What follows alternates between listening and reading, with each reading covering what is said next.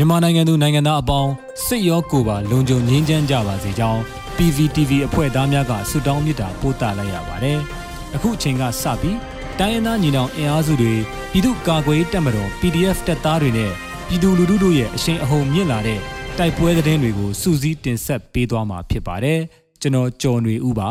။ပထမဦးစွာ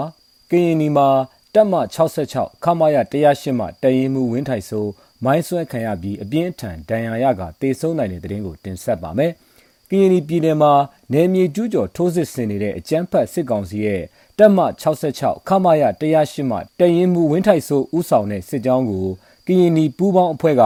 AB လ14ရက်နေ့မှာမိုင်းဆွဲတိုက်ခိုက်ခဲ့ပြီးတရင်မှုဝင်းထိုင်ဆိုအပြင်းထန်ဒဏ်ရာရက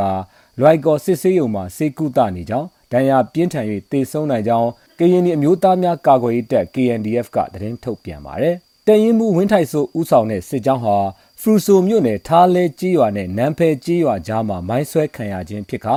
၄ဦးတေဆုံးပြီးဝင်းထိုက်ဆိုအပါအဝင်၃ဦးဒဏ်ရာရခဲ့ခြင်းဖြစ်ပါတယ်။မိုင်းဆွဲတိုက်ခိုက်ပြီးနောက်ကရင်နီပူးပေါင်းအဖွဲ့မှခဲယမ်းအချို့တင်စီရမိခဲ့ကြောင်းသိရှိရပါတယ်။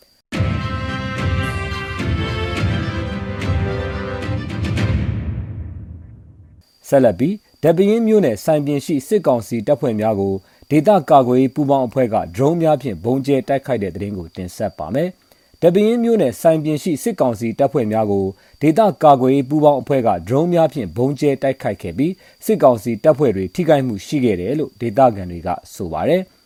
AB 16ရက်နေ့နေ့လယ်ပိုင်းမှာစိုင်ပြင်ရဲစခန်းအတွင်းမူရစ်တောက်စားကခုံနေကြတဲ့စစ်ကောင်စီတပ်ဖွဲ့များကိုဒရုန်းများဖြင့်ဘုံကျဲတိုက်ခိုက်ခဲ့တယ်လို့ဒေသခံများထံကသိရှိရတာပါ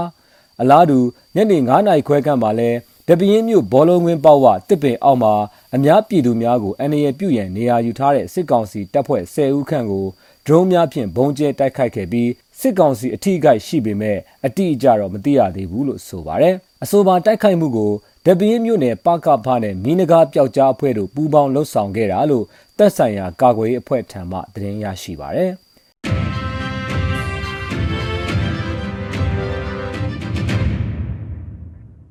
တပိတ်ချင်းမြို့နယ်ချောင်းကြီးရဲကင်းရဲစခန်းအနီးဘုံဖြင့်တိုက်ခိုက်မှုစစ်သား3ဦးသေဆုံးတဲ့တဲ့ရင်ကိုဆက်လက်တင်ဆက်မှာပါမန္တလေးတိုင်းဒေသကြီးတပိတ်ချင်းမြို့နယ်ချောင်းကြီးကြေးရွာရှိရဲကင်းစခန်းအနီးတွင်ဘုံပေါက်ကွဲပြီးစစ်သား3ဦးသေဆုံးကြောင်း TBK တောစင်ရိုင်းပျောက်ကြားတပ်ဖွဲ့ထံမှသိရှိရပါတယ်။ယနေ့ AB 16ရက်နေ့လယ်3နာရီခွဲဝန်းကျင်ကချောင်းကြီးရဲကင်းစခန်းအနီးမှာပောက်ကွဲမှုဖြစ်ပွားပြီးစစ်ကောင်စီတပ်ဖွဲ့ဝင်2ဦးပွဲချင်းပြီးတေဆုံးကနောက်တဦးမှလည်းစေကူတမှုခံယူစဉ်ထပ်မံတေဆုံးသွားကြောင်းသိရှိရပါတယ်။ထို့သို့ပောက်ကွဲမှုမှာစစ်ကောင်စီဝင်2ဦးမှနေရာတွင်ပွဲချင်းပြီးတေဆုံးခဲ့ပြီးသုံးပွင့်ဗိုလ်ကြီးတဦးအပါအဝင်ရဲစခန်းမှုတဦးနဲ့ချောင်းကြီးကြေးရွာစစ်ကောင်စီခန့်အုပ်ချုပ်ရေးမှုဖိုးထောင်တို့ ပြင်းထန်စွာထိခိုက်ဒဏ်ရာရရှိခဲ့ကြောင်းရင်းနောက်ဒဏ်ရာရရှိသူများထဲမှတအူထပ်မံတေဆုံးတာကြောင့်စုစုပေါင်းစစ်ကောင်စီတပ်ဖွဲ့ဝင်3ဦးတေဆုံးခြင်းဖြစ်ကြောင်းသိရှိရပါတယ်။ဒါ့အပြင် TBK တောစင်ရိုင်းပျောက်ကြားတပ်ဖွဲ့အနေနဲ့တပိတ်ချင်းမြို့နယ်အတွင်းစစ်ကောင်စီအပါအဝင်စစ်ကောင်စီလက်အောက်ခံမြည်သည့်အဖွဲ့အစည်းကိုမဆိုတက်ညာမှုမရှိဘဲတိုက်ခိုက်သွားမှာဖြစ်ကြောင်းထုတ်ပြန်ချက်မှာဖော်ပြထားပါတယ်။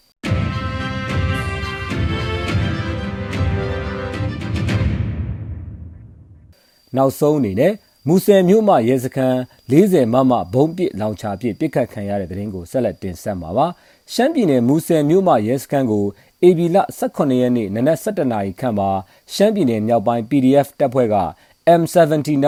40မမဘုံပစ်လောင်ချ3လုံးဖြင့်ပစ်ခတ်တိုက်ခိုက်ခဲ့ကြောင်း People Security and Defense Army မူဆယ်တပ်ဖွဲ့ထံမှသိရပါဗျ။အဆိုပါတိုက်ခိုက်မှုကြောင့်ရဲစခန်းအတွင်းရှိအကြမ်းဖက်စစ်တပ်နှင့်ရဲများထိခိုက်ဒေဆုံးမှုအခြေအနေကိုတော့မသိရသေးကြောင်း People Security and Defense Army မူဆယ်တပ်ဖွဲ့ကထုတ်ပြန်ထားပါတယ်ခင်ဗျာ။